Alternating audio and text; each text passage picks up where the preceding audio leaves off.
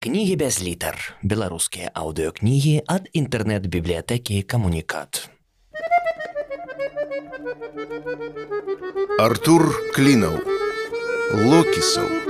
Раман. Глава шостая. Праязджаючы паблізу графскага парку, Локісаў узгадаў пра бібліятэку. Набліжаўся вечар, трэба было нечым сябе заняць. Перспектыва сядзець у холе гатэлі і глядзець тэлевізар яго не натхняла. А вось узяць пагартаць нешта па тэме было б добра. Да свайго сораму ён так і не знайшоў час пачытаць Локіса Мерымэ, і наогул з літаратуры пра пярэваратняў вампіраў і вокалакаў быў знаёмы слаба. Таму ў размовах з лапіцкім у гэтым сэнсе адчуваў дыскамфорт, той відавочна лепш за яго валодаў пытанням. Графскі флігель, які стаяў непадалёк ад напаўразбуранай брамы палаца, выявіўся невялікім двухпавярховым будынкам з чырвонай цэглы пад высокім двухскатным дахам. Адчыніўшы дзверы ў бібліятэку, Локісаў увайшоў даволі прасторнае памяшканне са сталажамі, застаўленымі глянцавымі часопісамі і разнамаснымі рэспубліканскімі абласнымі і раённымі газетамі, пачынаючы ад БС ПКД за, да Харэ, ФСМ, КГБ і 5 да. Тут жа месцілася чытальная зала і стаяў стол бібліятэкара. Далей у суседнім пакоі былі відаць паліцы з кнігамі. Супрацоўніка бібліятэкі на месцы не было, і Локісаў толькі ўзяў у рукі свежы нумар газеты з-за, як раптам за спінай пачуўся наэлектрызаваны жаночы голас. Не, ну вы скажыце, чаму адразу культура? Не, як толькі што, то абавязкова першыя ахвяруюць культурай. Локісаў абярнуўся і ўбачыў перад сабой асобу гадоў 35, хударлявую, высокую, з сабранымі ў хвост валасамі і ў вялікіх рагавых акулярах. Відавочна, несуразмерная аправа займала амаль паўтвару, аднак параўнаць даму з шэрай бібліятэчнай савой не выпадала. Наадварот яна была даволі зграбная і па-спартоваму падцягнутая. Цёмныя валасы дадавалі рэзкасці яе твару, не мілавіднаму, але цалкам характарнаму. Асоба ішла ў наступ з выклікам гледзячы локісаву проста ў вочы, быццам яе прамова была падрыхтаваная загадзя і прызначалася менавіта для яго. Вядома, усе думаюць, культура гэта так, дробязь, мінеральны дадатак да ежы. Культура глупства, без яе пражывём, А вось не стане культуры, што тут пачнецца. А я вам скажу, што? Усе перарэжуць адно аднаго. Чалавек чалавеку зноў ваўком стане. А вы, адукаваны з выгляду мужчыны і туды ж, А ўсё таму, што ўсе думаюць, культура слабая, культура баба, яна моя, раз баба то можна культура за сябе не пастаіць вядома паспрабуйце сунуцца ў замак замак ён мой. Замак мужик. Замак маскулін ён калі што то і ўрыла натуральна ў замку бабкі маскоўскія хрен іх возьмеш а тут раз бібліятэка то можна вядома ж і бібліятэка баба. А што вы робіце сёння пасля працы перапыніў яе локісаў было ў яе на электрызаваным маналогу нешта вельмі вельмі сексі, так што яму раптам захацелася на ўдачу спытаць. Можа, куды-нибудь сходзім увечары ці разам вып'ем. Ды вы што? Яшчэ чаго захацелі, піць я з вами не буду і бібліятэку проста так без бою не аддам. Вы бачылі гэтыя пакойчыкі ў пассавеце, Ды і там паловы фондаў не размясціць выпіць з вами ну няма словаў. Мы гэтыя фонды десятгоддзямі збіралі. Вядома у апошнія гады грошай на папаўненне амаль няма але паглядзіце якая ў нас калекцыя класікі. Патым як маналог пачаў згасаць локісаў зразумеў што ідэя выпіць разам прынялася блукаць у яе галаве здрадліва блытаючы стройныя шэрагі выкрывальніцкіх думак А тое, што паненка выпіць любіць, як і тое, што яна тут зусім самотная, напэўна, без мужа і найхутчэй з дзіцем, чамусьці здавалася яму амаль бясспрэчным. Не, ну гэта каму сказаць, з парога і адразу выпіць, нават імя не спытаў. А вы пра людзей падумалі, якія ў нязручнасцях без чытальнай залы могуць застацца.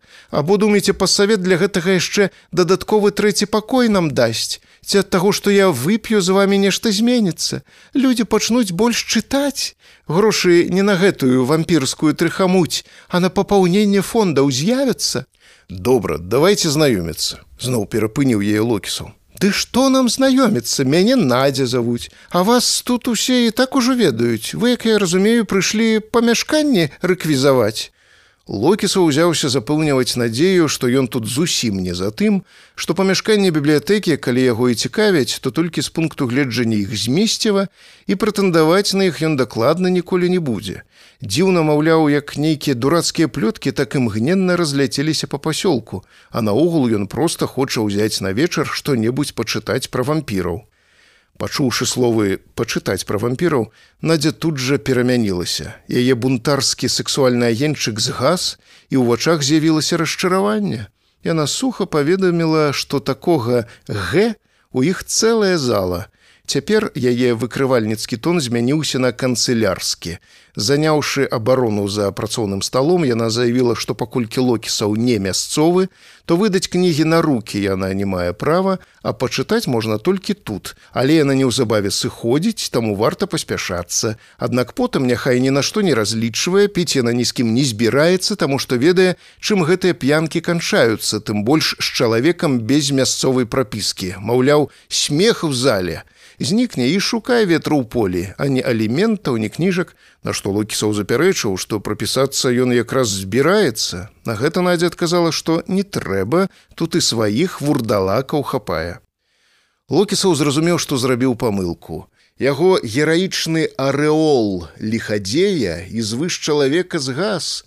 Ён з'явіўся ў бібліятэцы ў вобразе ворага, нашчадка графскага роду, які паквапіўся на святое надзею перапаўняла рашучасць да апошняга з ім змагацца. І ў гэтай бескампраміснай барацьбе быць можа нават з ім выпіць і хто яго ведае што там яшчэ.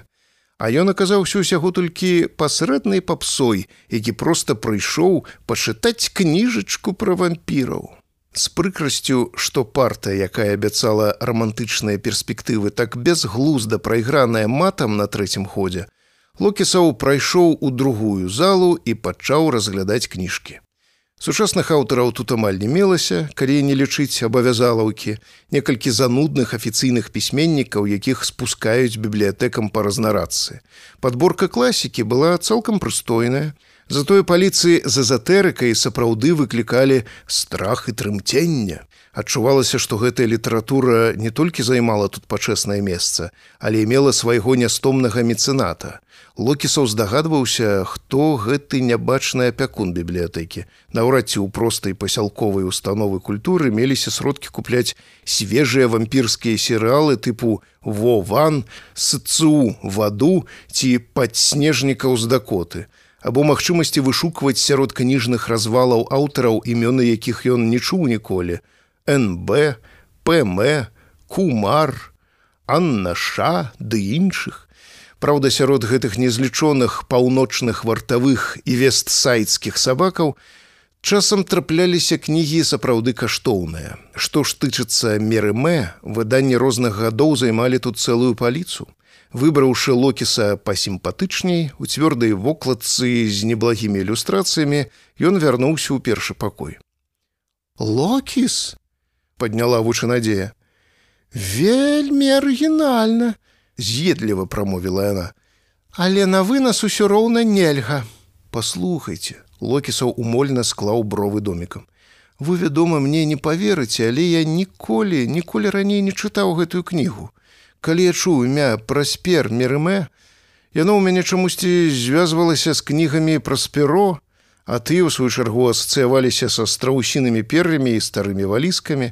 Пакуль я сюды не прыехаў, я думаў, Локіс гэта нешта пра валіскі падарожжы. Дайце мне яго на адзін вечар. Я вам пашпарту заклад пакіну. Надзея ненадоўга задумалася, спрабуючы пераасэнсаваць атрыманую толькі што важную інфармацыю. Добра, бярыце, здалася она нарэшце. Пад ваше чэснае слово, толькі заўтра вярніце. Хм валіскі.